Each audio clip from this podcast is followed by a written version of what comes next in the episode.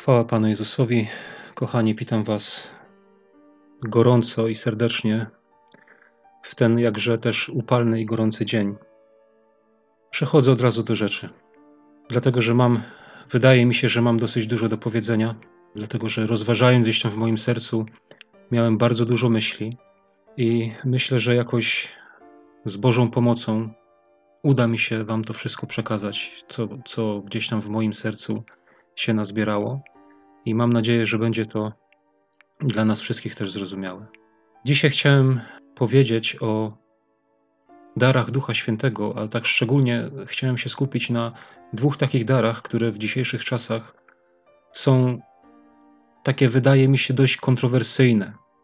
Bo jeśli jest mowa o darach Ducha Świętego, to, to na temat tych dwóch darów chyba jest najwięcej kontrowersji. Po pierwsze, może chciałbym powiedzieć, dlaczego, dlaczego w ogóle chcę o tym mówić. Jaki jest tego powód? Myślę, że powód ten jest dany od Boga. Kiedyś właśnie, ostatnio jak czytałem w Słowie Bożym, to właśnie poruszył mnie ten fragment i chcę go przeczytać na początek. Tak, zanim przejdę do tych darów, to chcę przeczytać z listu do Efezjan, z czwartego rozdziału.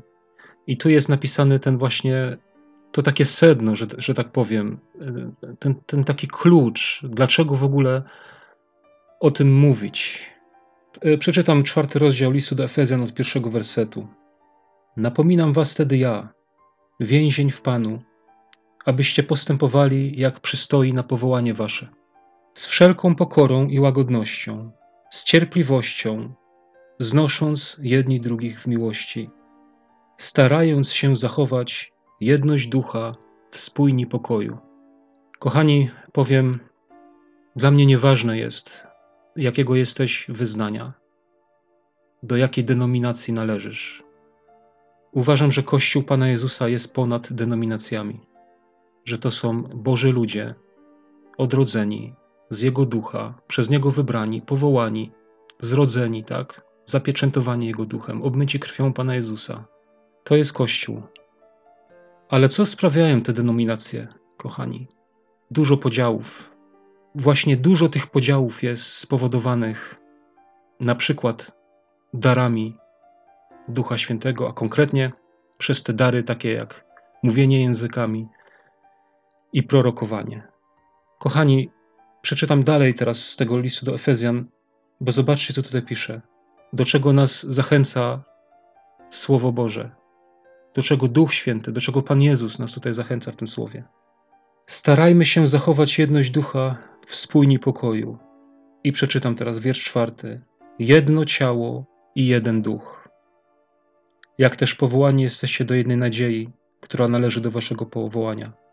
Jeden Pan, jedna wiara, jeden chrzest, jeden Bóg i Ojciec wszystkich, który jest ponad wszystkimi, przez wszystkich i we wszystkich.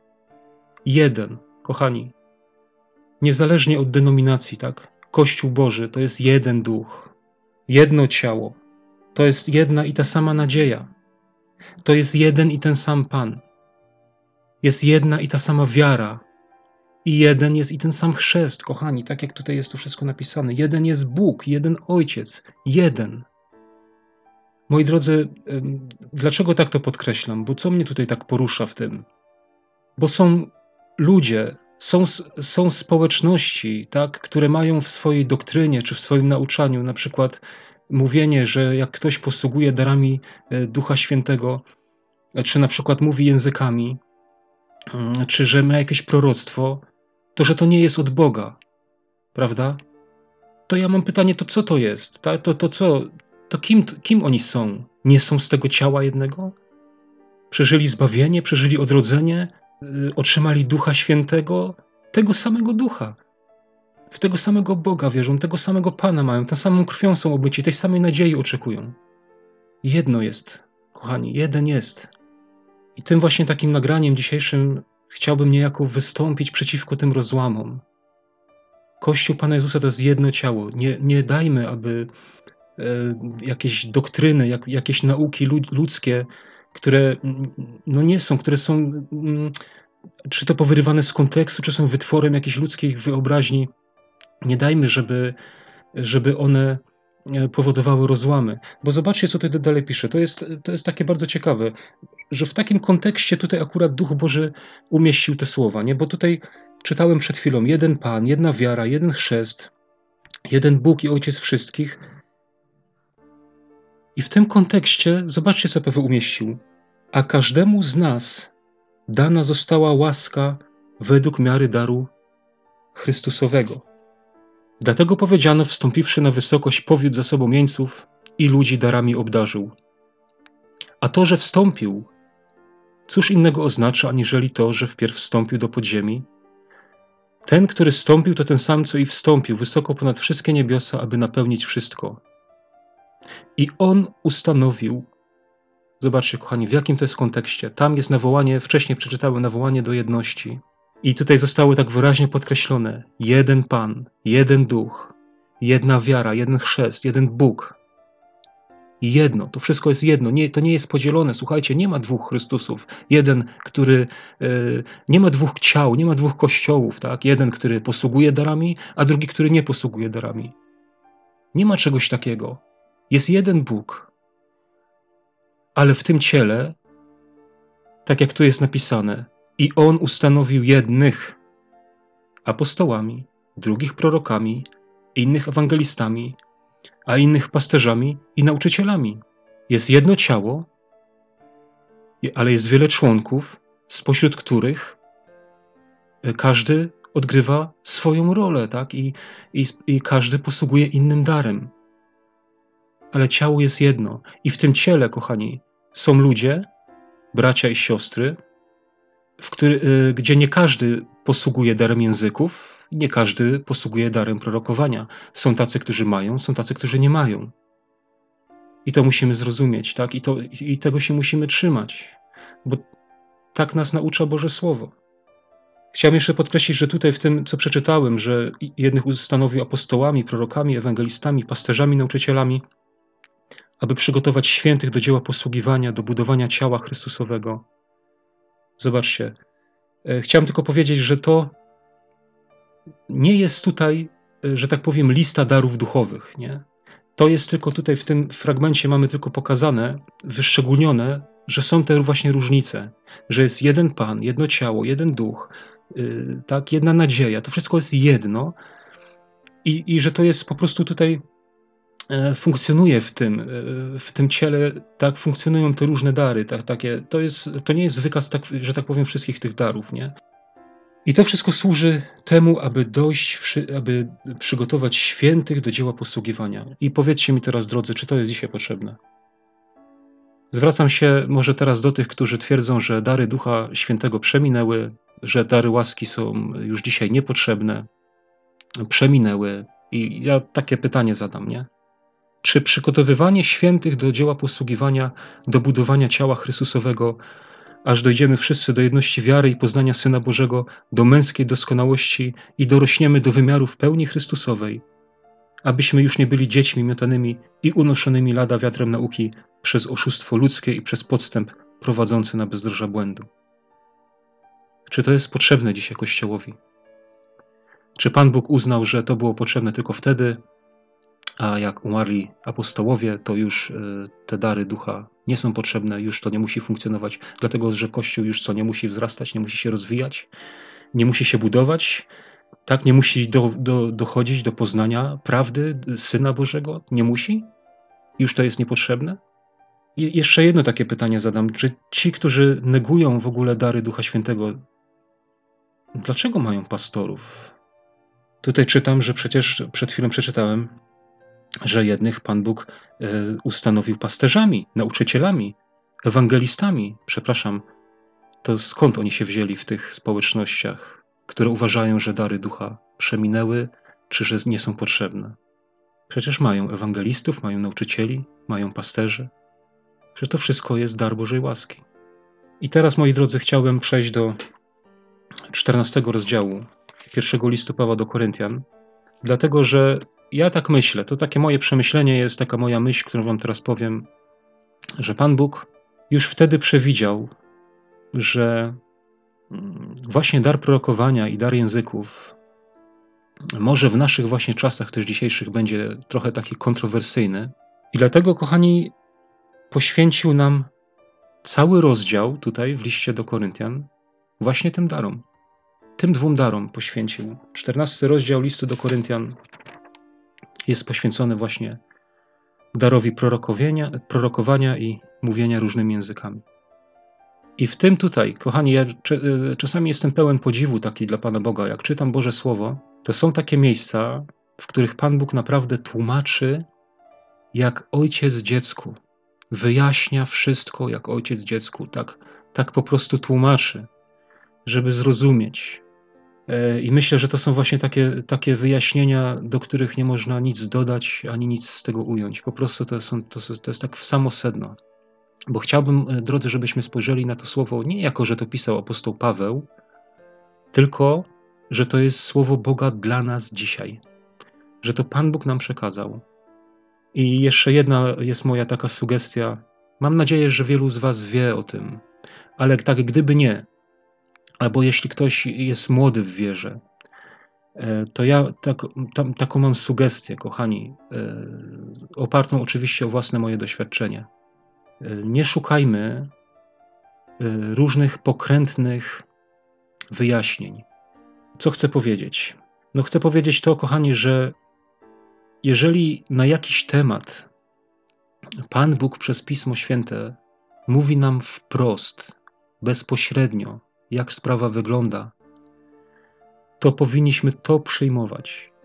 E, nie powinniśmy szukać gdzieś tam e, jakichś, e, nie wiem, wyjaśnień, dopatrywań się, jakiś, a tu jakiś werset, stąd jakiś werset, tutaj coś, tam coś. Wiecie, tak wiele teorii różnych niebiblijnych, oczywiście opartych o Biblię, tak, bo kto, każdy, kto ma jakąś swoją teorię, mówi, że ona jest oparta o Biblię, a tak naprawdę są niebiblijne, tak, bo, bo nie, nie zgadzają się z, z, właśnie z nauką. Na przykład, y, co chcę powiedzieć, na przykład jest, jest nauka o pochwyceniu Kościoła, prawda? I zobaczcie, ile na temat tej nauki jest różnych interpretacji, ile jest różnych e, wyjaśnień, tłumaczeń, jak to będzie, kiedy to będzie, e, z, z kim Pan Jezus przyjdzie, e, kiedy Pan Jezus przyjdzie, czy przed uciskiem, czy po ucisku. A drodzy kochani, naprawdę wystarczy czytać pismo. To wszystko jest napisane do prostych ludzi. Zobaczcie, co apostoł Paweł mówił do Koryntian. Mówi: Zobaczcie, niewielu wśród Was powołanych, jest wysokiego rodu, jest wykształconych, jest wyuczonych, tak? I zobaczcie, i te słowo skierowane jest do takich ludzi. Każdy człowiek prosty, czytając z modlitwą w obecności Ducha Świętego Biblię, dostanie zrozumienie takie, jakie jest właściwe. Gdyby każdy tak robił, nie byłoby takich podziałów w Kościele. Bo dzisiaj jest wiele cielesnych nauk, nie pochodzących od Ducha Bożego, i stąd są rozłamy. Kochani, na temat swojego przyjścia, na przykład, czasu przyjścia, na temat tego, z kim przyjdzie Pan Jezus. Jest, to wszystko jest powiedziane wprost, bezpośrednio. Jak się czyta Ewangelię, czyta się wypowiedzi Pana Jezusa, czyta się listy, wszystko jest powiedziane wprost. Bardzo Was proszę, nie chciejcie zrozumieć wszystkiego od razu. E, nie szukajcie na siłę wyjaśnień. No, bardzo Was proszę, kochani, naprawdę z całego serca błagam Was. Ja wiem, że w życiu chrześcijańskim, jak człowiek się nawróci, to jest bardzo wiele pytań. Jest bardzo wiele y, y, rzeczy, które człowiek chciałby wiedzieć, ale ja Was proszę, nie szukajcie na siłę wyjaśnień.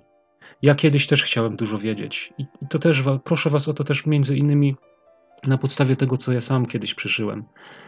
Ja też po swoim nawróceniu miałem mnóstwo pytań, chciałem bardzo dużo wiedzieć, i sięgałem po książki różne, różnych autorów, ale kiedyś coś zobaczyłem, e, a raczej może Pan Bóg mi pokazał, że wziąłem książkę do ręki, dwie książki miałem, niby wyjaśniały to samo zagadnienie. Ja już teraz nawet nie pamiętam, jakie to było zagadnienie, tylko wiem, że było to samo zagadnienie.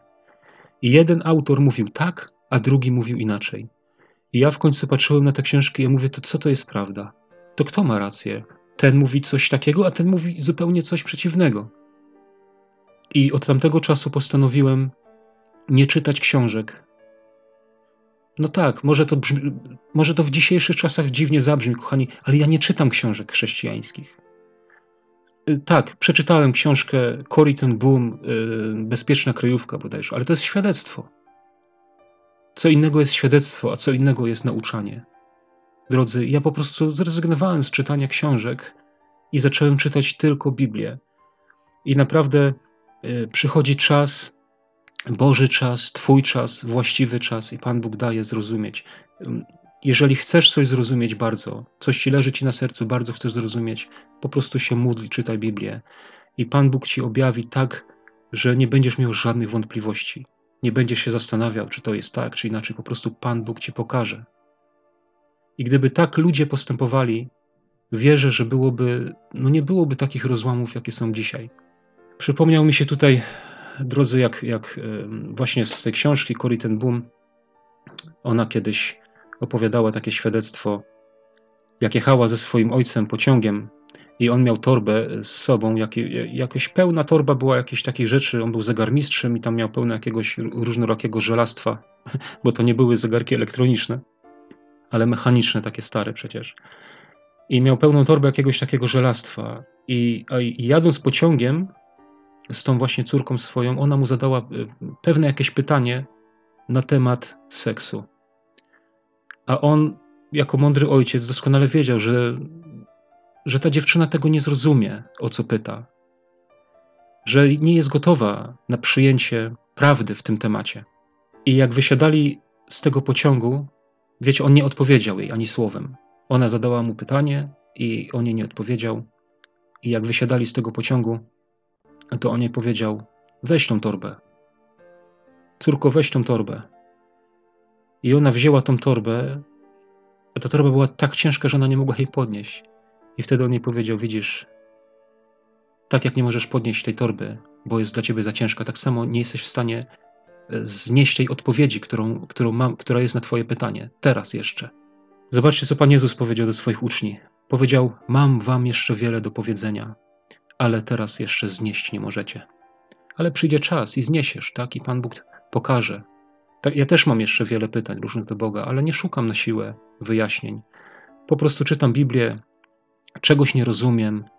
I w trakcie tego czytania mówię, Panie, no ja tego nie rozumiem. Chciałbym wiedzieć, o co, o co, o co tu chodzi, o czym tutaj jest mowa, ale tego nie rozumiem, więc, więc proszę wyjaśnij mi. I przychodzi czas, mija rok, dwa czasami, albo czasami bardzo szybko, czasami trzeba dłużej, dłużej poczekać. Ale Pan Bóg jest wierny, On nie zapomina Twoich pytań, tylko czekaj na jego odpowiedź. Kochani, trochę się rozgadałem, przepraszam, ale e, przechodzę teraz do tego tematu. E, wracam do da, e, darów prorokowania i mówienia językami. Kochani, i tutaj, tak jak wcześniej mówiłem, mamy 14 rozdział listu do Koryntian, i tu jest napisane wszystko dokładnie. Tu jest wszystko wyjaśnione, i to naprawdę tutaj nie potrzeba żadnych dodatkowych interpretacji, żadnych jakichś powykrętnych doktryn, analiz i nie wiadomo czego. Tu jest po prostu powiedziane wprost. I tak jak to jest powiedziane wprost, tak my jako dzieci e, powinniśmy to przyjąć. Zaczynam. Będę czytał tak i może jakoś przejdziemy razem przez to, e, przez to, co tutaj mam do powiedzenia. Dążcie do miłości, starajcie się też usilnie o dary duchowe, a najbardziej o to, aby prorokować. Pierwsza taka myśl tutaj, nie? Dążcie do miłości. Przede wszystkim, bo to jest, kochani, najważniejsze.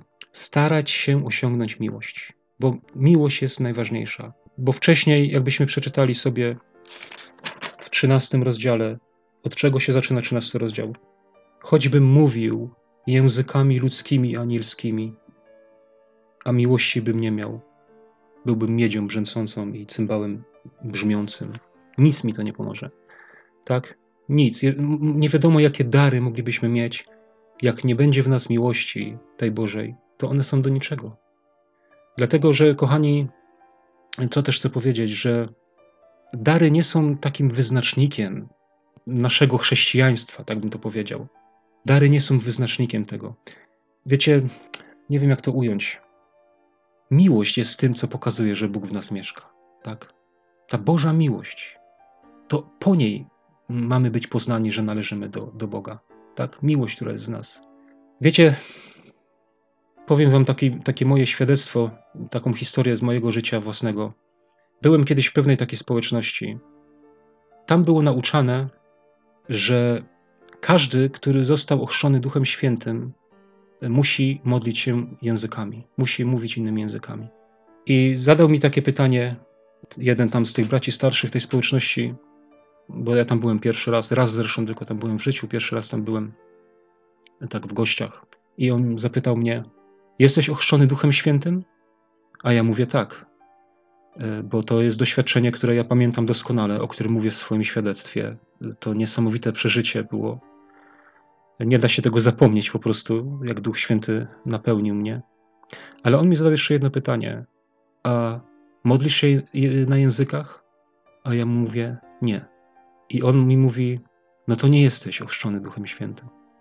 Widzicie, ja wtedy byłem takim jeszcze dosyć młodym chrześcijaninem, ale to, co on powiedział, właśnie trochę mną zachwiało, bo ja byłem wtedy przekonany, że jestem ochrzczony Duchem Świętym, a on wziął języki jako wyznacznik tego, czy się jest ochrzczonym, czy nie, i powiedział mi, że jeśli się nie modlę na językach, to nie jestem. Widzicie, kochani, bo ja nie modlę się językami. Zobaczcie, jaki paradoks, nie? Staję w obronie tutaj języków, a nie modlę się sam językami. Tak, kochani, bo ja nie staję w obronie języków tutaj.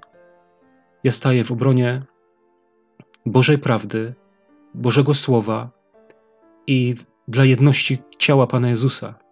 Po to ja staję i po to ja chcę mówić o tym. Nie modlę się językami. I zachwiał mną, mną wtedy ten, ten brat, i ja przyjechałem do domu i ja stanąłem w modlitwie. E, I ja mówię, Boże, taki miałem niepokój od tej chwili. I ja mówię, Boże, jak to jest? Wiecie, i, i przypomniał mi się chyba wtedy ten werset. Dążcie do miłości. I przyszedł pokój do mojego serca. I wtedy Pan Bóg dał mi zrozumieć. Miłość jest świadectwem tego, że Duch Boży mieszka w tobie. Nie dary, dlatego że nie wszyscy mamy te same dary, kochani. O tym jest wyraźnie powiedziane w Słowie Bożym. Jakbyśmy odwrócili na 12 rozdział e, tego listu do Koryntian, jest napisane, czy wszyscy mają dary uzdrowienia, czy wszyscy mówią językami, czy wszyscy je wykładają. Nie. Proste. Nie. Ale to, kochani, co nas czyni Kościołem, jest Duch Boży w nas i z tego ducha miłość, która, która wypływa, tak? To świadczy o tym, że Duch Boży w nas mieszka. Kochani, chciałbym teraz powiedzieć do Was, może do tych, którzy nie modlą się językami i którzy może mają podobne właśnie rozterkę, czy, czy podobne jakieś takie, mm, takie zachwianie. To nie znaczy, e, to, że nie modlisz się językami, nie znaczy, że nie zostałeś ochrzczony Duchem Świętym. Ja nie wiem, jak to wszystko wygląda w Twoim przypadku, ale ja mówię Ci, jak jest. Miałem co prawda kiedyś takie, mm, kochani, przeżycie. Pamiętam to też jak dziś. Wiecie, spałem sobie i coś mnie obudziło. I to jest niesamowite, ale jak wierzymy i jak wiemy, że Duch Boży mieszka w nas, to wiemy, że takie coś, co ja teraz powiem, jest możliwe. Wiecie, co mnie zbudziło tej nocy? Głos, który, yy, który był w moim wnętrzu. Naprawdę. Yy, i to była właśnie modlitwa na językach. Tak piękna, tak niesamowita. Kochani, ja po prostu, ja leżałem, miałem, co prawda to się, to się szybko skończyło, ale, ale to mnie zbudziło. Ja się obudziłem i słyszałem i czułem głos w moim wnętrzu, który mówi innym językiem, dla mnie niezrozumiałym. To było niesamowite. Ale ja osobiście moimi ustami jeszcze nigdy na językach się nie modliłem. I teraz jeszcze powiem tak, kochani. Y, podeprę się jeszcze, bo są właśnie takie teorie, że i, i tak się mówi. Tak mówią tacy nauczyciele. Mówią, że w dziejach apostolskich, jak się czyta, nie ma żadnej y, sytuacji, w, w, gdzie jest mowa o napełnieniu czy o chrzcie Duchem Świętym, żeby tam nie było modlitwy językami. I otóż teraz i tym się podpierają, y, właśnie twierdząc, że musi być, y, muszą być języki, jak przy chrzcie Duchem Świętym. Otóż ja chcę powiedzieć, że tak nie jest. Że jest jedno miejsce w dziejach apostolskich, które właśnie pokazuje, że jest inaczej. Ale o tym, do tego wrócę jeszcze później. Czytam drugi werset. Ja myślę, że nie na każdy werset będę tak długo mówił, bo nie wiem, e, o której byśmy skończyli, ale czytam drugi werset. Bo kto językami mówi, nie dla ludzi mówi, lecz dla Boga. Nikt go bowiem nie rozumie, a on w mocy ducha rzeczy tajemne wygłasza. I ja mam teraz pytanie do tych, którzy mówią, że, że jak w dziejach apostolskich modlili się na językach, to te języki były zrozumiałe przez innych. Że wtedy ten dar języków tak jakby miał sens, bo był rozumiany przez innych, przez tych, którzy tam byli wokół. Oczywiście jest tutaj mowa o, o początku dziejów apostolskich, o drugim rozdziale, bo faktycznie tak było w tamtym miejscu. Ale kochani, przeczytam ten werset jeszcze raz. Otwórzmy nasze uszy, otwórzmy nasze serca. Ja, ja wiem, że jak ktoś, ja to tak mówię, że ktoś jest zabetonowany, to nie jest zdolny przyjąć czegośkolwiek, tak? Nowego, tak? Bo jest, ma klapki na oczach, idzie w jedną stronę i koniec, nie, nie poruszysz go. Ale jak ktoś jest otwarty, ma otwarte serce, chce się rozwijać, chce poznawać prawdę, jest gotów do weryfikacji swoich poglądów, jest gotów do odrzucania błędów, które może przyjął gdzieś wcześniej, to, to, to, to jest mowa do takich ludzi. Kochani, przeczytam to jeszcze raz. Posłuchajmy to uważnie, te słowa. Bo kto językami mówi, uwaga, nie dla ludzi mówi. O, nie dla ludzi mówi. A oni się powołują, że przecież to musi być zrozumiałe przez ludzi. To przecież tam było z, z tylu miejsc świata, byli Żydzi w Jerozolimie i oni wszystko rozumieli. Nie dla ludzi mówi. Kto mówi językami, nie dla ludzi mówi, lecz dla Boga. Nikt go bowiem nie rozumie. Zobaczcie, wprost jest napisane o darze języków. Nikt go nie rozumie. On mówi y, w mocy ducha rzeczy tajemne wygłasza. Tak, w mocy ducha rzeczy tajemne. Nikt go nie rozumie. Nie mówi ludziom. A kto prorokuje, mówi do ludzi ku zbudowaniu i napomnieniu i pocieszeniu. Kochani, i tutaj też parę słów na temat prorokowania. Zobaczcie, o jakim prorokowaniu tu jest mowa. Ostatnio słyszałem e, gdzieś tam, czy przeczytałem, nie pamiętam, taką opinię, że, e, że gdyby dar prorokowania teraz funkcjonował, no to każde takie proroctwo musiałoby, dodać do, było, musiało być, być dodane do kanonu Biblii, a przecież kanon jest zamknięty. Ale to nie o takie prorokowanie chodzi. To nie chodzi o takie, takie proroctwa y, typu Izajasz, Jeremiasz, takie jakieś, czy tam apokaliptyczne, czy coś takiego. To nie o takim prorokowaniu jest mowa, kochani. Zobaczcie, to co jest powiedziane. Mówi do ludzi ku zbudowaniu, czyli podniesieniu. Tak? Zbudowanie to jest wznoszenie czegoś w górę. E, nie wiem, czy. Wiecie, ja, ja pracowałem kiedyś na budowie. Takiej po prostu wznosiliśmy budynki w stanie surowym, od piwnicy aż po dach. I i to było takie podnoszenie, wiecie, wznoszenie w górę, tak. E, ja, ja, ja aż z radością ja patrzyłem na, to, na te budowy, to dawało mi taką satysfakcję. Jeszcze wtedy nie byłem wierzącym, ale miałem taką satysfakcję, że z tygodnia na tydzień budynek był o kondygnację wyższy, nie? takie wznoszenie. Nie ma nic, potem wyżej, wyżej, wyżej, wyżej. Prawda? Ku budowaniu, ku podnoszeniu, wznoszeniu wy, wzwyż.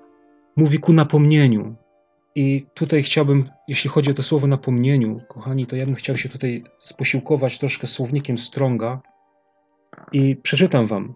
E, to słowo napomnienie, co jak tu jest tłumaczone, ku napomnieniu, to słownik Stronga w języku greckim to jest słowo paraklezis. Nie wiem, kojarzy nam się to z czymś? Paraklezis, parakletos i tłumaczone jest jako tak przyzwanie do siebie, przywołanie, zwłaszcza na pomoc. Kochani, to dla, dla mnie to jest piękne, no to mnie niesamowicie porusza. Napomnienie, tak, to co tu jest tłumaczone jako napomnienie, e, to te greckie słowo, jakie ma, ma dużo szersze znaczenie. I pierwsze z tych znaczeń to jest, zobaczcie, przyzwanie do siebie, przywołanie. Powiedzcie mi, kochani, taką rzecz. Czy zdarzyło wam się kiedyś słuchać jakiegoś kazania na przykład, podczas którego wasze serce aż wołało do Boga, przyzywało go do siebie, wołało do niego. To jest takie napisane przywołanie, zwłaszcza na pomoc. Powiedzcie, mieliście coś takiego kiedyś? Ja miałem wielokrotnie. Kochani, tu się, w tym się przejawia dar prorokowania. Że ktoś mówi i to porusza Twoje serce, i Ty wołasz do Boga, tak?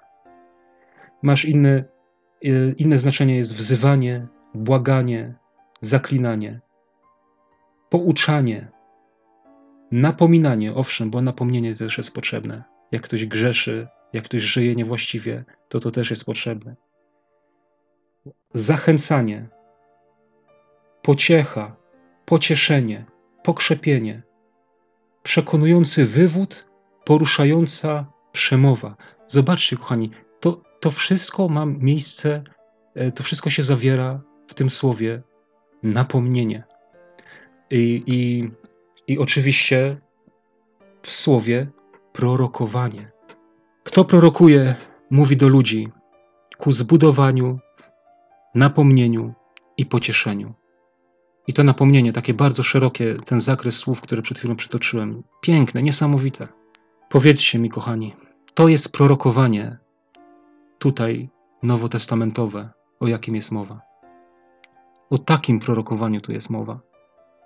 Oczywiście nie pomijam tego, że list Piotra mówi, że proroctwo nie przychodzi z woli ludzkiej, ale wypowiadali je ludzie, którzy byli natchnieni Duchem Bożym, dlatego że to jest dar, kochani. I może być tak, że ty czytasz Słowo Boże i tchnie ciebie Bóg słowem, zachęci cię do tego, żebyś coś powiedział, coś ci objawi, i to będzie służyło ku zbudowaniu i napomnieniu i pocieszeniu. I to jest prorokowanie. I powiedzcie mi teraz, bracia, siostry, kochani, czy to jest dar, który jest dzisiaj niepotrzebny? Czy dzisiaj Kościół, czy dzisiaj pojedynczy wierzący ludzie nie potrzebują zbudowania? Nie potrzebują napomnienia ani pocieszenia? Jak można mówić, że to jest niepotrzebne? Że nie ma prorokowania? W dziejach apostolskich mamy, mamy dokładnie piękny przykład pokazany właśnie, jak funkcjonują dary. Zobaczcie, jak jest mowa. Ja nie będę tego czytał, bo to byłoby już naprawdę za dużo. Zobaczcie, jak apostoł Paweł jechał do Rzymu.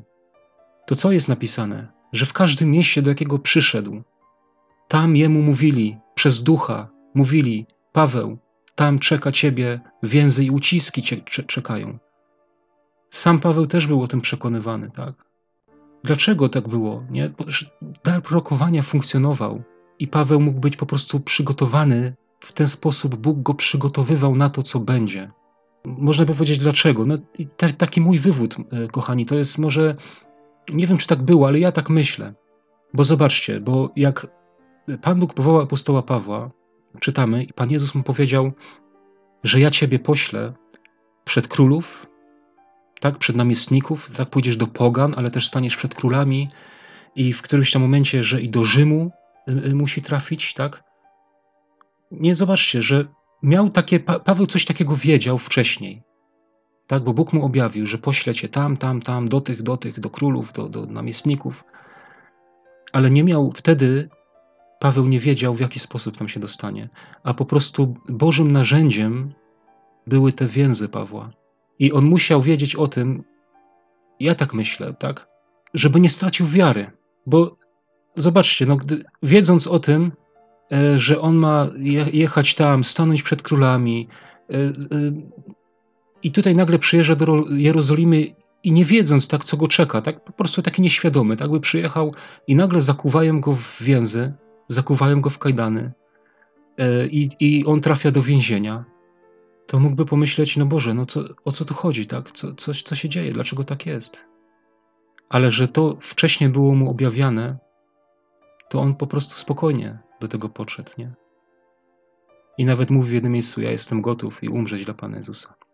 W innym miejscu jest powiedziane, że przyszedł jakiś prorok i powiedział, że będzie głód na ziemi, który też był za jakichś tam czasów, e, nie pamiętam teraz dokładnie, ale też jest takie miejsce w dziejach apostolskich. Takie dary po prostu działały i funkcjonowały w kościele i funkcjonują nadal.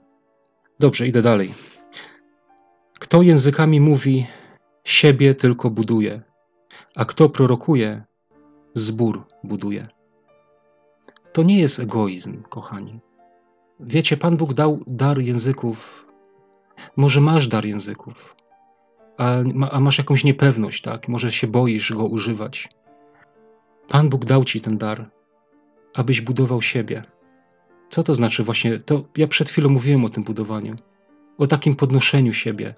Wiecie, ja, ja jak myślę o, tutaj o tym budowaniu, to przypomina mi się, e, e, przychodzi mi na myśl tutaj ten, to miejsce z listu do, Efe, do Efezjan, który jest powiedziane jest, że nie upijajcie się winem, ale bądźcie pełni ducha, śpiewając i grając w sercach Panu, tak, dziękując Bogu za wszystko, nie? Takie, to takie rzeczy, które napełniają nas duchem i podnoszą, tak, i podnoszą, tak, bo może jesteśmy, czujemy się duchowo gdzieś tam osłabieni czasami, są takie sytuacje duchowo osłabieni, może jacyś tacy wyczerpani i potrzebujemy zbudowania, potrzebujemy takiego podniesienia. I wtedy tutaj spełnia swoją rolę mówienie językami. Mówi Paweł dalej, a pragnąłbym, żebyście wy wszyscy mówili językami, lecz jeszcze bardziej, żebyście prorokowali. Bo większy jest ten, kto prorokuje, niż ten, kto mówi językami, chyba żeby je wykładał, aby zbór był zbudowany. I tutaj mamy przykład, że, że nie chodzi o to, kochani, że e, człowiek jest jeden większy od drugiego, tak? E, żeby, żeby tego źle nie zrozumieć. Tu chodzi o rangę daru, tak? że, że dar prorokowania jest tak jakby bardziej korzystny, jest bardziej potrzebny dla Kościoła i że dar języków może się zmienić też w taki dar prorokowania pod warun- właśnie wtedy, kiedy będzie, będzie wykład, tak? wtedy, kiedy będzie ktoś, kto ten język będzie wykładał, kto będzie tłumaczył. I czytam dalej. Tak wtedy, bracia, jeżeli przyjdę do was i będę mówił językami, jakiż pożytek z tego mieć będziecie, jeśli mowa moja nie będzie zawierała czy to objawienia, czy wiedzy, czy proroctwa, czy nauki. Nie, zobaczy, y, tutaj trochę muszę teraz wrócić, bo ja wcześniej, e, wcześniej powiedziałem o prorokowaniu, że zbudowanie, napomnienie, pocieszenie, prawda? A tutaj właśnie do tego prorokowania jeszcze nam dochodzi wiedza, e, objawienie, proroctwo, prawda? Tu właśnie widzimy, tak jak ja e, wcześniej przytaczałem te przykłady z dziejów apostolskich, nie? Że, że tu właśnie, że to się zawiera też w proroctwie, że może tak być, nie? Że, że E, ktoś będzie objawiał też to, co będzie miało miejsce. E, I takie rzeczy się dzieją, kochani. Znam świadectwa na przykład z czasów wojny, gdzie po prostu Duch Święty objawiał, właśnie przez dar właśnie proroctwa objawiał e, zgromadzeniom, że na przykład, że mają na przykład się przenieść w inne miejsce.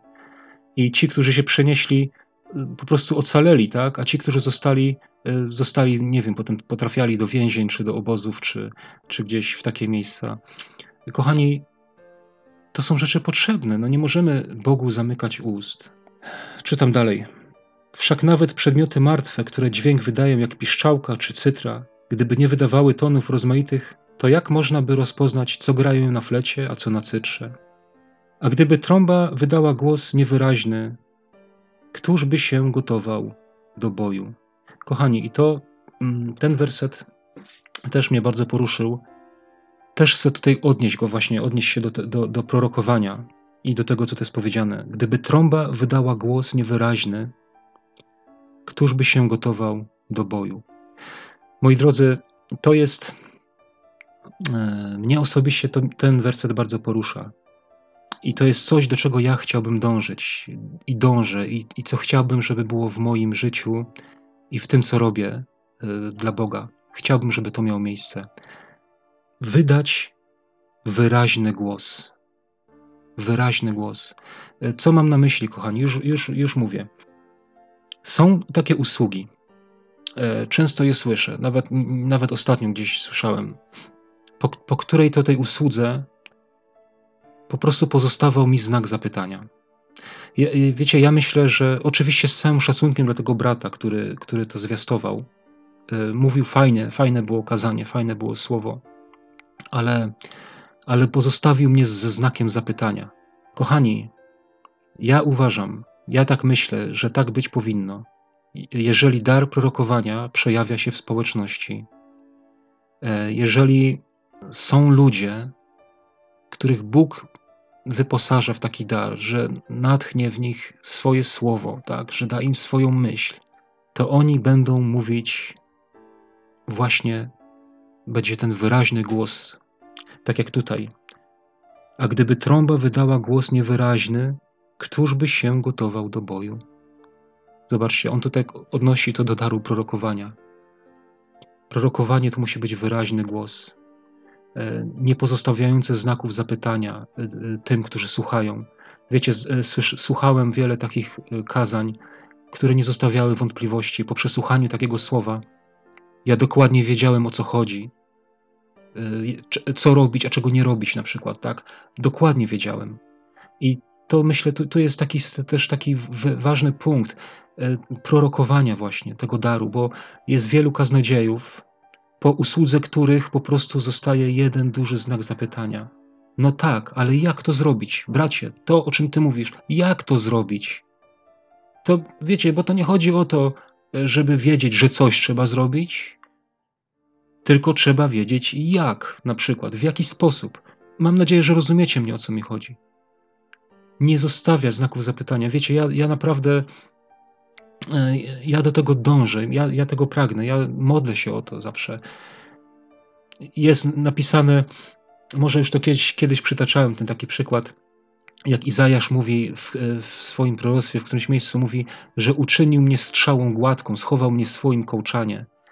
Wiecie, strzała Pan uczynił tą strzałą i on w swoim kołczanie schował, i wtedy, kiedy jest ta potrzeba, to on wyciąga i on wyceluje i on wystrzeli. Wiecie, co chcę powiedzieć, że Bóg nie chybia celu, nie? że Bóg jak strzela swoją strzałą, to on trafia konkretnie w punkt. I e, jak to zawsze czytałem, to, to zawsze to mnie to poruszało. E, ja to czytałem już dawno, dawno. I ja mówię, Boże, ja tak chcę jak ja mam coś mówić, jak ja.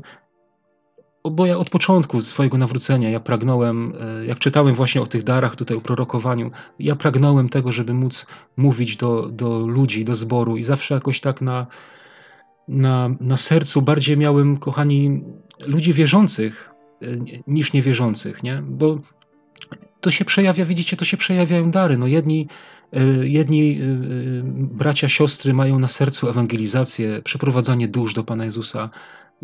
Ja, ja natomiast nie, słuchajcie, no, nie wincie mnie za to, ale ja zawsze czułem jakąś taką, mnie zawsze ciągnęło właśnie w stronę Kościoła, żeby, żeby być dla Kościoła użytecznym. Ale taka jest potrzeba, no tak Pan Bóg to, to zaplanował, tak Pan Bóg to ustalił. I ja zawsze chciałem właśnie trafiać w ten punkt. Wiecie, napiszcie do mnie, jeśli zostawiam znak zapytania, to proszę, to dajcie mi znać, ja, ja będę się modlił, albo módlcie się o mnie, bo ja naprawdę nie chcę zostawiać znaków zapytania. Wiecie, bo to zostawić znak zapytania, to, no to popatrzcie, no przecież prorokowanie służy ku budowaniu, tak? Budowaniu ciała. To, to wyobraźmy sobie teraz ten, te, te, te budowanie E, budowanie domu, nie? No ja ci powiem, słuchaj, no ty musisz położyć tutaj cegłę, na przykład, nie? Ale ty powiesz, ale jaką? A jak ją położyć? A skąd ją wziąć? Wiecie, rozumiecie o co mi chodzi? Przecież to ma budować. A jak ja zostawię znak zapytania, trzeba to zrobić, ale ty nie wiesz jak. No to, no to jaki z tego jest pożytek? Tak, tak naprawdę, nie? To co z tego prorokowania, tak? O, się rozgadałem strasznie dzisiaj. Tak i wy, jeśli językiem zrozumiałe, zrozumiale nie przemówicie, jakże kto zrozumie, co się mówi? Na wiatr bowiem mówić będziecie. Wiele zaiste jest rozmaitych dźwięków na świecie i nie ma niczego bez dźwięku. Gdybym tedy nie znał znaczenia dźwięków, byłbym dla tego, kto mówi cudzoziemcem, a ten, co mówi, byłby dla mnie cudzoziemcem. Tak i wy, ponieważ usilnie zabiegacie o dary ducha, starajcie się obfitować w te, które służą ku zbudowaniu zboru. Dlatego ten, kto mówi językami, Niechaj się modli o dar wykładania ich. Zobaczcie, kochani, to naprawdę, to nie trzeba wiele komentarzy do tego, co czytam teraz, nie? To jest tak, jak do dziecka jest powiedziane.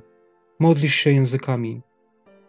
Proś Boga, aby dał ci dar ich wykładania, bo wtedy będziesz bardziej użyteczny. E, nie tylko dla siebie, co jest oczywiście potrzebne, ale też dla społeczności. Bo jeśli się modlę, mówiąc językami, duch mój się modli, ale rozum mój tego nie przyswaja. Cóż wtedy? Będę się modlił duchem, będę się modlił i rozumem. Będę śpiewał duchem, będę też śpiewał i rozumem. Drodzy, widzicie, to jest taka kolejna dla nas y, lekcja, takie kolejne pouczenie, żeby też dar języków nie zastąpił ci normalnej modlitwy. Też, żebyś nie szedł na taką łatwiznę, że będziesz się modlił tylko językami, a, a swoim rozumem już, już nie. nie to, jest, to jest takie, zobaczcie, jak, jaką lekcję można z tego wyciągnąć, tak? Wiecie, znam taką osobę, e, ona się zawsze tak cicho modli, mm, taka siostra, ale ilekroć gdzieś tam mieliśmy okazję jakoś wspólnie się modlić w grupie, ja nigdy nie słyszałem, żeby ona się modliła swoimi słowami. Zawsze słyszałem tylko gdzieś tam e, e, języki. Znaczy ja to, tak tylko mówię, ja nie wiem, bo przecież nie jestem zawsze z nią, jak ona się, jak ona się modli, ale, ale, no ale, ale coś takiego zauważyłem, nie? że czy to jak tam gdzieś spotkaliśmy się na jakiś obiad wspólny czy coś, to zawsze, zawsze słyszałem ją modlącą się na językach. Będę się modlił duchem, będę się modlił rozumem.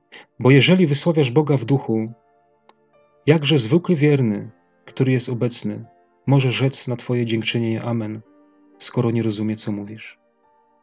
Widzicie, głośno się modląc w społeczności z innymi, lepiej się modlić normalnie. O tym też zresztą za chwilę jest, jest, będzie mowa. Bo, yy, bracie, siostro, wiesz, że Twoja modlitwa Twoich kilka słów wypowiedzianych do Boga z serca, tak z rozumu, bardziej może zbudować brata, siostrę, niż, e, niż to, że będziesz modlić się na głos językiem. Dalej czytam. Ty wprawdzie pięknie dziękujesz, ale drugi się nie buduje. Drodzy, e, tu też jest coś ważnego, ukrytego. Widzicie, są tacy, którzy którzy nazywają modlitwę językami, mówią, że to bełkot. Nie wiem, czy spotkali się się. Ja z czymś takim wiele razy słyszałem i naprawdę przeraża mnie to, że ci ludzie tak mówią. Bo, kochani, no skoro, skoro, no ja, wiecie, w głowie mi się to nie mieści, no. Jeden wierzący mówi o drugim wierzącym, że on bełkocze. Drodzy, no nie może tak być. Kochani, nie pozwólmy szatanowi, no. Nie wiem, może spotkałeś, może jesteś właśnie też zwolennikiem takiego czegoś, że mówisz, że to bełkot, to proszę cię, upamiętaj się z tego, no nie rób tego. Bo jeżeli on bełkocze, no to powiedz mi, skąd ma ten bełkot? To nie jest twoim bratem? Wierzy w Pana Jezusa, On go zbawi, ma świadectwo, ma miłość w sercu. Nie jest twoim bratem? Bełkocze? To skąd on ma ten bełkot? Zobaczcie, co jest powiedziane. Ty wprawdzie pięknie dziękujesz, ale drugi się nie buduje. Kochani, no język Ducha Bożego to nie jest bełkot.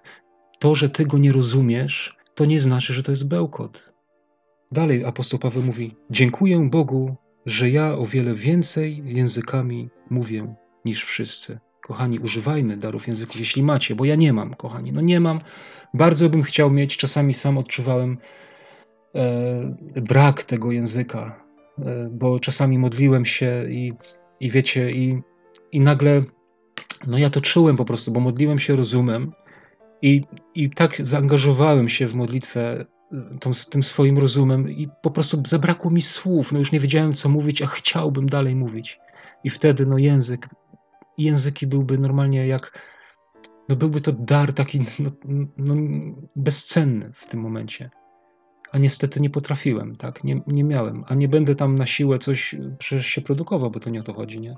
Bo są, kochani, wiecie, że w darach języków są nadużycia, o których też chcę parę słów powiedzieć, bo, bo jest nadużyć i to dużo. Są, są sytuacje, gdzie, które znam, że, że, wiem, że takie praktyki były, że spotykali się gdzieś ludzie, żeby uczyć się modlitwy na językach, nie? Czy z kasety sobie puszczali, jak ktoś tam się modlił, żeby tak samo. Kochani, no to nie, rozumiecie, to nie o to chodzi. Wiecie, wielkie, wiele jest różnych dziwac, ale my tutaj mówimy o żywym Bogu i o Jego działaniu.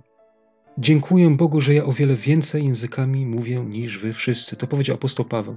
I kochani, ja bym teraz chciał, żebyśmy się przenieśli troszkę na sekundę Wiem, że e, dużo mówię, wiem, że długo mówię, ale chciałbym, żebyśmy się przenieśli na sekundę do e, historii nawrócenia Pawła, bo ja wam coś tutaj pokażę. Mianowicie, po pierwsze, w tej historii, którą teraz ja, ja Wam pokażę, mamy, możemy zobaczyć, że nie wszędzie, gdzie człowiek był napełniony Duchem Świętym, występował dar języków. Ja myślę, że gdyby w tej sytuacji tak było, to też byśmy to mieli napisane w Biblii, ale nie mamy. Kochani, jest to dziewiąty rozdział, dziewiąty rozdział e, dziejów apostolskich i chodzi mi tutaj o to, e, jak przyszedł Ananiasz do e, Pawła. Zobaczcie, dziewiąty rozdział, siedemnasty wiersz. I poszedł Ananiasz i wszedł do domu. Oczywiście do domu, w którym był Paweł, jeszcze wtedy nie apostoł, ale Paweł, e, który jechał do, do, do Damaszku, to był czas jego nawrócenia. Włożył na niego ręce i rzekł: Bracie Saulu, Pan Jezus, który ci się ukazał w drodze, jaką szedłeś, posłał mnie, abyś przejrzał i został napełniony Duchem Świętym. I natychmiast opadły z oczu jego jakby łuski, i przejrzał, wstał i został oszczony. Kochani, tutaj nie ma, jest mowa o napełnieniu Duchem Świętym, ale nie ma tutaj mowy o językach. Bo Paweł nie dostał wtedy daru języków. A tutaj wracamy do listu do Koryntian. Co Paweł mówi? Dziękuję Bogu, że ja o wiele więcej językami mówię niż wy wszyscy. Zobaczcie. Niesamowite. Kochani, to jest nadzieja. Jeśli nie masz języków, to nie znaczy, że nie będziesz ich miał. Wiecie, ja też nie mam, a to też nie znaczy, że nie będę miał.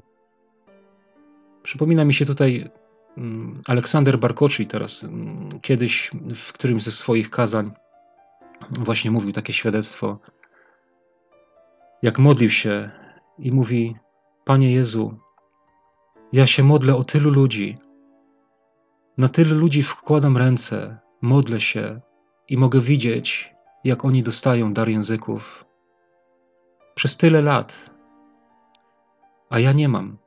Zobaczcie, to jest. I powiedział potem, że Pan mu dał. I nie tylko mu dał dar języków, ale i dar wykładania języków. Nie? Zobaczcie, modlił się o ludzi, inni dostawali, a on nie miał. Tak samo to było z Pawłem, kochani.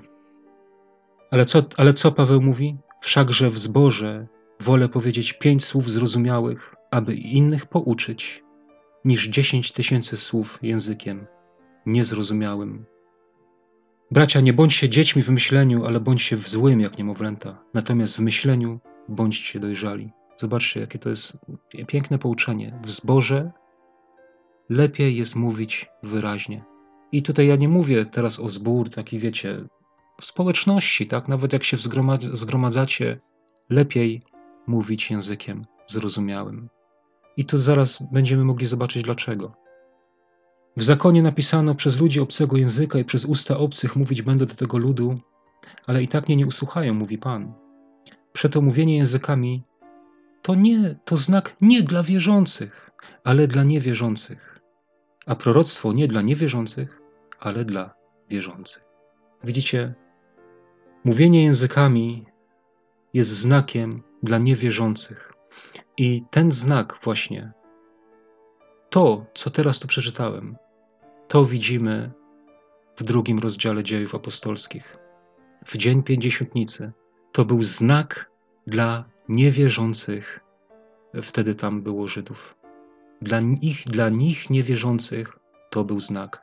Jakbyśmy się wrócili do tego rozdziału, czego ja teraz robić nie będę, ale zachęcam.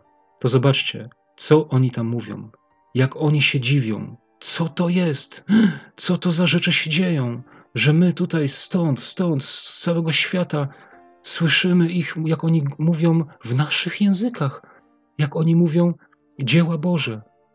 I tak może być, kochani. Tu widzimy pe pewną funkcję, jaką ten dar spełnił, e, pewne zastosowanie, nad którym ci, którzy oczywiście tym językiem mówili, nie mieli władzy. To nie był język ich rozumowy. Kochani, mówienie językami to nie poliglotyzm, tak? Dobrze chyba powiedziałem, tak? Bo poliglota to jest ktoś, kto zna wiele języków. To nie jest to. To jest język, który poddaje duch. I wtedy, kiedy duch zechce, wtedy go wykorzysta e, w, e, w sposób dla siebie potrzebny, tak? Jak będzie potrzebował, tak go wykorzysta. Jeśli będzie chciał przemówić do kogoś właśnie takim językiem, to tak to zrobi. I takie świadectwa też są. Są świadectwa, gdzie ktoś, kto nie znał absolutnie na przykład języka angielskiego e, i modlili się wspólnie i, i zaczął się nagle modlić w języku angielskim tak czystym e, i płynnym, że gdzieś Anglik stojący obok, gdzieś tam, nie należący do tej grupy, usłyszał to i przyszedł. I takich świadectw jest wiele. Znak dla niewierzących to jest, a proroctwo dla wierzących.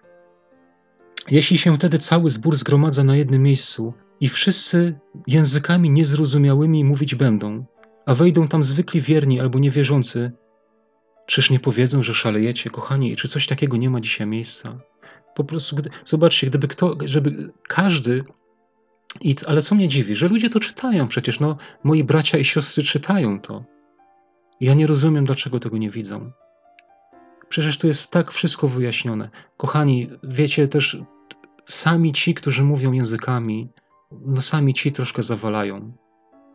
Wiecie, jak kiedyś bywałem w takiej społeczności, gdzie było uwielbienie, był tam taki brat, który przez całą, na przykład jeżeli uwielbienie trwało na przykład pół godziny, to on przez całe te pół godziny, wiecie, inni śpiewali, tam modlili się, a on cały czas gdzieś tam z tyłu chodził i modlił się na głos na językach. Wiecie, to, to y, dla mnie to było, y, wiecie, nie pomyślcie, że, że, że jakaś zazdrość czy coś, ale ja po prostu, ja, ja widziałem, ja widziałem, że ten człowiek robi szkodę. Po prostu. Raz, że wprowadza taki zamęt swego rodzaju no i dwa, że zobaczcie, no co powiedzą zwykły wierny, znaczy, kochani, zwykły wierny, to chodzi o człowieka, który nie ma jeszcze odpowiedniej wiedzy na przykład na dany temat, nie? To nie jest poniżanie kogoś. Są inne przekłady, które mówią, że prostak, ale kochani, to nie o to chodzi. Po prostu człowiek się nawraca, zaczyna drogę z Bogiem, nie ma jeszcze wiedzy odpowiedniej, tak? Nie wie co, o co chodzi, nie wie co się dzieje, bo to jest dopiero on wchodzi w ten, w ten, że tak powiem, chrześcijański świat i nie ma wiedzy i nagle widzi coś takiego, nie? To on powie, no szaleją, szalejecie.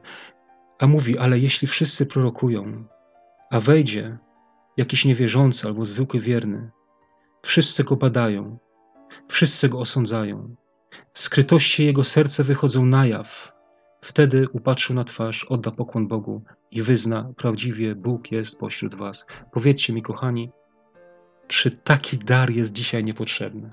Jeszcze raz powtórzę to pytanie. Widzicie, to jest problem, bo, bo to o to chodzi w prorokowaniu, nie? Zrozumiejmy to. Prorokowanie to nie jest mm, jakaś, jakaś ekstaza, że człowiek nie wie, co się z nim dzieje. Nie. Po prostu Bóg wkłada w niego słowa i on je wypowiada, mówi. Pan Bóg porusza serca innych ludzi przez to. Kochani, to bez Ducha Świętego, bez daru się nie obędzie. Wiecie, są zbory, ja bywałem też w takich społecznościach, po prostu gdzie jest martwe, gdzie to jest, przychodzi, jest zwykły jakiś taki wykład, że to czuć, że to jest po prostu, mówi się tak potocznie, suche, bez głębi, bez, bez życia, nie? taki po prostu cielesny wykład jakiś, owszem, ze Słowa Bożego, ale nie przynosi on nic. Niczyje serce nie jest poruszone, niczyje życie się nie zmienia. Kochani, nie negujmy tych darów Zmieńmy swoje myślenie. Jeszcze jest czas. Cóż tedy, bracia, gdy się schodzicie, jeden z was służy psalmem, inny nauką, inny objawieniem, inny językami, inny ich wykładem. Wszystko to niech będzie ku zbudowaniu. Jeśli ktoś mówi językami, niech to czyni dwóch albo najwyżej trzech, i to po kolei, a jeden niech wykłada. A jeśli by nie było nikogo, kto by wykładał, niech milczą w zborze, niech mówią samym sobie i Bogu. Masz dar języków, Jaką praktykę stosujesz w społeczności swojej? Jeżeli nie wykładasz, ani w społeczności nie ma wykładów, to mów sobie i Bogu. Nie dawaj innym powodu do tym, którzy nie rozumieją, tak miej wzgląd na innych. Nie, nie pobudzaj do zazdrości, albo nie dawaj powodu, żeby ktoś ten dar oceniał, albo nie, nie mówił, że szalejesz. Są społeczności, kochani, gdzie naprawdę wiele osób modli się językami na głos. To naprawdę wiecie, to nie jest przyjemne, że ja bym tak powiedział, nie? Bo dalej czytamy, że Bóg jest Bogiem porządku. Je, je, jeszcze. A co do proroków, to niech mówią dwaj albo trzej, a inni niech osądzają. Lecz jeśli by ktoś inny z siedzących otrzymał objawienie, pierwszy niech milczy. Zobaczcie, jaka powinna być współpraca. Naprawdę dzisiaj mamy e, ten system, który dzisiaj panuje w kościołach, e, naprawdę odchodzi od prawdy. Najczęściej dzisiaj jest to e, jest mm, nabożeństwo, uwielbienie, jedno kazanie. To jest najczęściej spotykane. Ktoś jest grafik zrobiony, kto kiedy usługuje, i ktoś tam się przygotowuje i przychodzi jest kazanie. A zobaczcie, co tu jest powiedziane. I tu, drodzy, tu nie chodzi o, o to, że, że wtedy tak dar funkcjonował, bo nie była Biblia spisana, nie? Że dzisiaj każdy ma Biblię. Nie, to nie o to chodzi, naprawdę. Słuchajcie. Tu chodzi o to, że społeczność potrzebuje zbudowania, posilenia, pocieszenia, nauki, tak? To o to chodzi. To, to jest prorokowanie, tu o tym jest mowa. Nie, nie, nie, nie mówmy, że ten dar przeminął, że go nie ma, że jest niepotrzebny, bo mamy Biblię spisaną. Co z tego? Wielu ludzi czyta Biblię i co? Zobaczcie, jaka powinna być współpraca. Jeśli ktoś inny z siedzących otrzymał objawienie, pierwszy niech milczy, nie? Czyli zobaczcie, no w trakcie zgromadzenia, w trakcie społeczności Bóg komuś włoży coś do serca. To, to powinien to powiedzieć. Jest to możliwe w dzisiejszych społecznościach. Takie coś. I zobaczcie, bo co to jest dalej? Możecie bowiem kolejno wszyscy prorokować, aby się wszyscy czegoś nauczyli i wszyscy zachęty doznali. A duchy proroków są poddane prorokom, albowiem Bóg nie jest Bogiem nieporządku, ale pokoju, jak we wszystkich zborach świętych. To jest to. Na tym zakończę tutaj. Bóg jest Bogiem porządku. Wiecie, prorokowanie to nie jest ekstaza jakaś, że człowiek nie wie, co się z nim dzieje. Duch proroka jest jemu poddany. Człowiek otrzymuje jakieś objawienie, poznanie. Chcę powiedzieć, że ten, który je otrzymuje, wie, że otrzymuje. Jak Bóg tchnie w ciebie swoim słowem, to ty będziesz wiedzieć, że Bóg tchnął cię swoim słowem. I to jest y, y, poddane prorokowi, po prostu temu człowiekowi. Duch jest poddany temu człowiekowi, tak? To nie jest, że nagle wpada w ekstazę i wypowiada nie wiadomo, co się, co się dzieje, chaos. Nie. Bóg jest Bogiem porządku, właśnie i ten porządek może być zaburzony przez niewłaściwe korzystanie z darów, właśnie takich. Ale drodzy, Zachęcam Was. Strasznie długo dzisiaj mówiłem. Mam nadzieję, że nie będziecie mieli tego za złe, ale mm, no to wszystko było w moim sercu i byłem tym, mm, byłem tym bardzo gdzieś tam dotknięty. I czułem, że jest to coś, o czym należy powiedzieć. No cóż, no, coś tu więcej chyba nic nie mam co dodawać. No, na tym zakończę to, to nagranie. Pozdrawiam wszystkich bardzo serdecznie. Jak mi się coś jeszcze nasunie, to najwyżej napiszę parę słów, jak jeszcze coś w tym w tym temacie tak jeszcze przyszło na myśl, bo nieraz tak jest, że skończę nagranie, a potem jeszcze mi przyjdzie coś, że mogłem jeszcze coś tam powiedzieć, to ewentualnie to dopiszę na dole. No i przypomniało mi się, ale zamiast dopisywać e, na dole, postanowiłem to nagrać jeszcze i dopowiedzieć. Otóż przypomniało mi się jeszcze kilka takich kwestii. E, pierwszą z, nim, z nich jest kwestia podrabiania darów duchowych przez przeciwnika i oczywiście ma ona miejsce, e, dlatego że są też takie mm, sytuacje, gdzie też są dary języków, które nie pochodzą od Boga. E, są to, można powiedzieć, falsyfikaty, tak? I bywało też tak, i słyszałem takie świadectwa, że ktoś modlił się na językach, a później, nawracając się do Boga, po prostu ten dar zniknął i go nie było. Znaczy, nie pochodził od Boga. Czy takie coś jest możliwe? Tak, jest takie coś możliwe. I to też jest taka kwestia tutaj do, e, może dla wszystkich tych, którzy e, twierdzą, że, że, te, że w ogóle dary języków są nieprawdziwe w dzisiejszych czasach, nie? że to nie są od Boga, tylko że są, e, że to są jakieś no, od złego ducha. Otóż, kochani, mm, jest takie proste, proste taka odpowiedź na to, mianowicie E, nikt nie podrabia na przykład pieniędzy, które wyszły już z obiegu, których się już nie używa, prawda? E, podrabiane i falsyfikowane są tylko te pieniądze, które są w użyciu. A więc, jeżeli e, diabeł podrabia, to znaczy, że podrabia coś, co jest prawdziwego i coś, co funkcjonuje naprawdę, tak? To jest tak do przemyślenia. Wiecie, byłem kiedyś w takiej społeczności, E, gdzie akurat e, w tej społeczności nie, nie są uznawane e, tego typu dary duchowe. E, I rozmawiałem tam kiedyś z jednym bratem i, i on mówił, no tak, tak, ale trzeba być ostrożnym, trzeba być ostrożnym. I, i wiecie, i w wyniku tej ostrożności wylewają dziecko z kąpielą, prawda? Po prostu odrzucają wszystko. E, to jest niedobra postawa, tak nie powinno być. Słowo Boże nam mówi, że, że tak jest. Nigdzie nie jest powiedziane, że dary duchowe przeminęły. I co chcę powiedzieć, kochani, że te dary są potrzebne. Jest wiele nadużyć też, e, prawda, e, niewłaściwych wykorzystań tych darów. One też generują właśnie to, że ludzie stają się ich przeciwnikami. Są też ruchy religijne, które e, w zły sposób przedstawiają to, jakiś tam ruch wiary i tak dalej. Ale My nie o tym mówimy. No. My mówimy o Kościele, o ludziach wierzących, którzy naprawdę kochają Boga, nawrócili się do Niego z całego serca, przeżyli społeczność z nimi, przeżywają i otrzymali taki dar. Ja mówię o czymś takim. Tak jak wcześniej mówiłem o tym owocu miłości, prawda, że ten owoc tej, tej Bożej miłości y, musi być. Druga rzecz, która y, przyszła mi na myśl, moi drodzy, to może, jeśli też chodzi o dar języków, może słyszeliście ktoś z Was, bo ja w każdym razie się spotkałem z takim nauczaniem, z taką interpretacją, że są dwa różne dary, że jeden to jest dar modlitwy na, na językach i że to jest niby najbardziej powszechne, ale jest też mówienie językami i że to ktoś tam tłumaczy, że są to dwa różne dary.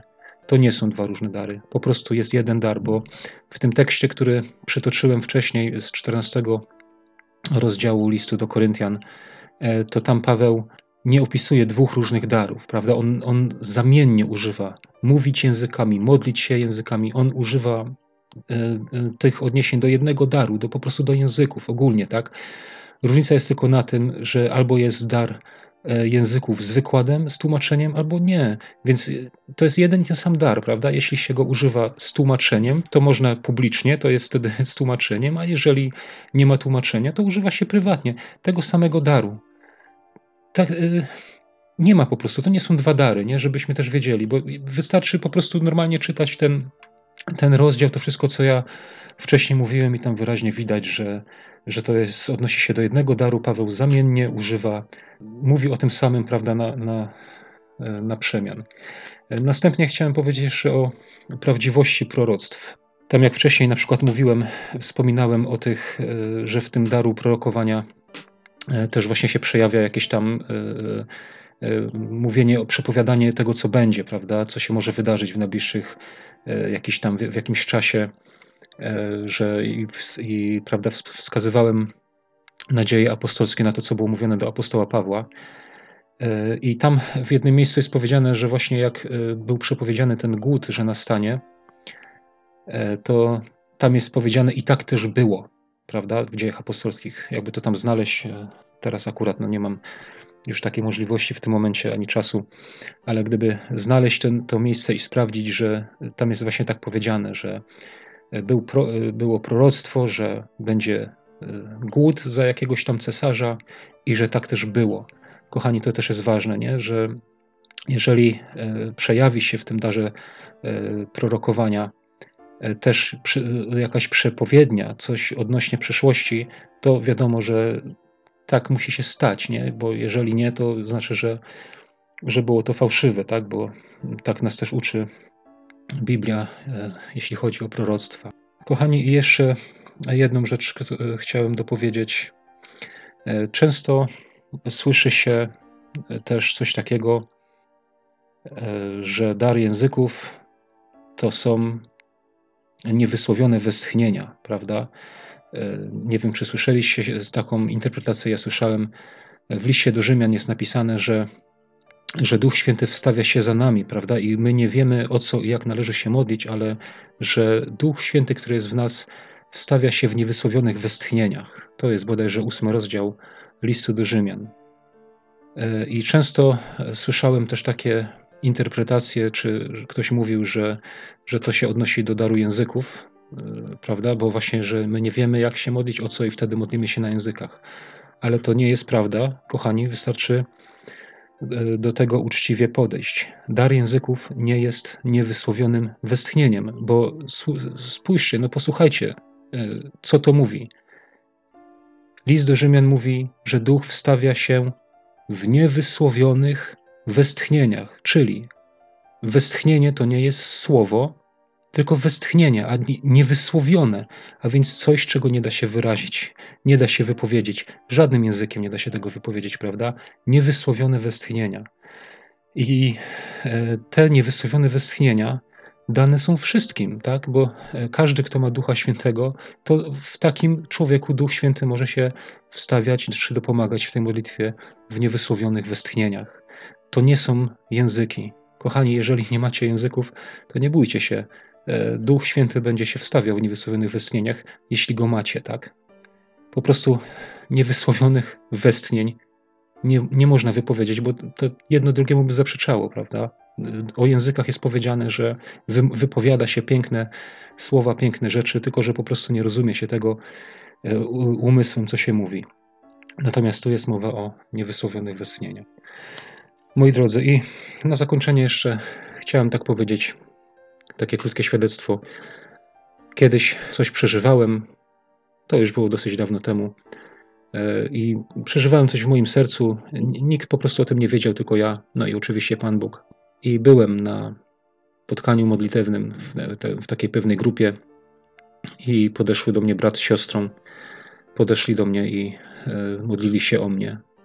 Nie wiedzieli dokładnie co i jak i ten brat, który podszedł, zaczął się modlić w jakimś języku, natomiast ta siostra po prostu miała wykład i mówiła do mnie, e, że Pan Bóg widzi, co przeżywam, że On uzdrowi moje wnętrze. I tak też się stało, kochani. E, to było dla mnie właśnie mm, takie wspaniałe. Wiedziałem, że Pan Bóg e, o wszystkim wie, że mnie nie zapomniał, tak? I, i co więcej, e, uzdrowi moje wnętrze, także ja nawet nie wiem kiedy w jakim momencie po prostu ten jakiś tam ból czy coś, co tam przeżywałem, po prostu odeszło, tak, zostało uzdrowione. E, dlatego no nie przejmujmy, drodzy, bo mówić dzisiaj, że dary takie duchowe są niepotrzebne Kościołowi, to to jest tak jakby mówić, że nie potrzebujemy po prostu Boga, tak, że Kościół nie potrzebuje Boga. Prawdą też jest to, że wiele takich kościołów jest i o takich kościołach też e, możemy sobie przeczytać w Księdze Objawienia, bo jak widzimy, zobaczcie, to jest powiedziane do zboru. E, jest powiedziane, oto stoję u drzwi kołacze. Nie, to często taki ewangelizacyjny tekst, ale to jest przecież do zboru powiedziane, że, że stoję u drzwi i kołacze i jak ktoś otworzy, usłyszy i otworzy, to ten będzie ze mną wieczerzał. Nie, to taki znak czasów, prawda? Jest dzisiaj, są tak kościoły, gdzie Pan Jezus jest wyprowadzany na zewnątrz, gdzie, gdzie no, nie chce się jego słuchać, tak? My bądźmy z tych, którzy chcą go słuchać. Jeszcze jedno świadectwo, które gdzieś tam zasłyszałem kiedyś, chcę powiedzieć, mianowicie e, tyczy to się II wojny światowej. Gdzieś na Ukrainie jakaś wioska była, e, przyjechali Niemcy i jakiś tam był przełożony kapitan, czy jakiś tam dowódca, w każdym razie rozkaz był taki, że wszystkich zabić. I oczywiście w tej wiosce była grupa wierzących ludzi, i do tego kapitana podeszła dziewczynka. Nie pamiętam, nie wiem ile miała lat, w każdym razie jakaś młoda dziewczynka. I w nieznanym sobie, czystym językiem niemieckim, powiedziała do tego kapitana. I on się wystraszył, nie zabił, nie, nie, nie zabił tych ludzi, oni przeżyli. Później tam się dowiadywał, okazało się, że ta dziewczynka nigdy niemieckiego języka nie znała, prawda, że modliła się w Duchu Świętym nie, czy nie modliła się, tylko mówiła do niego. A powiedziała mu coś takiego, że jeżeli ty ich zabijesz, e, to ja zabiję całą twoją rodzinę, tą, która tam gdzieś w Niemczech została, tak? I on po prostu przestraszył się ten, ten dowódca i, i ich zachował. Nie wiem też, czy słyszeliście o takiej, takich trzech wioskach, które są e, gdzieś w Bieszczadach. Czy to nie są jeszcze same Bieszczady, ale tam te okolice Podkarpacia e, są takie trzy wioski. Wisłoczek, Puławy i Wola Piotrowa. Możecie znaleźć w internecie sobie śmiało.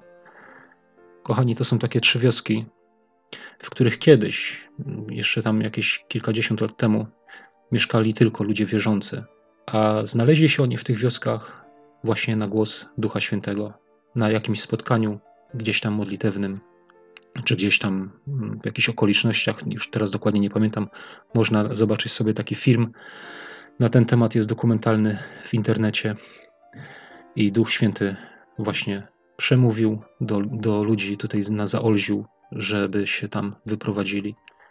I oni na głos Ducha Świętego tam się przeprowadzili. Kochani, to są chyba, nie wiem, czy może jedyne wsie w Polsce, gdzie nie ma kościołów katolickich, tylko są budynki zborów e, ewangelicznych. Tak? Kiedyś tam mieszkali sami wierzący ludzie ewangeliczni, chrześcijanie. Teraz już tam też wiadomo, z biegiem lat to i inni się tam podoprowadzali, ale, ale chcę tylko podkreślić, że to było w wyniku proroctwa, właśnie, daru prorokowania też. Dlatego nie wierzmy, kochani, no nie wierzmy w, w jakieś rzeczy, które nam dzisiaj ktoś chce wmówić.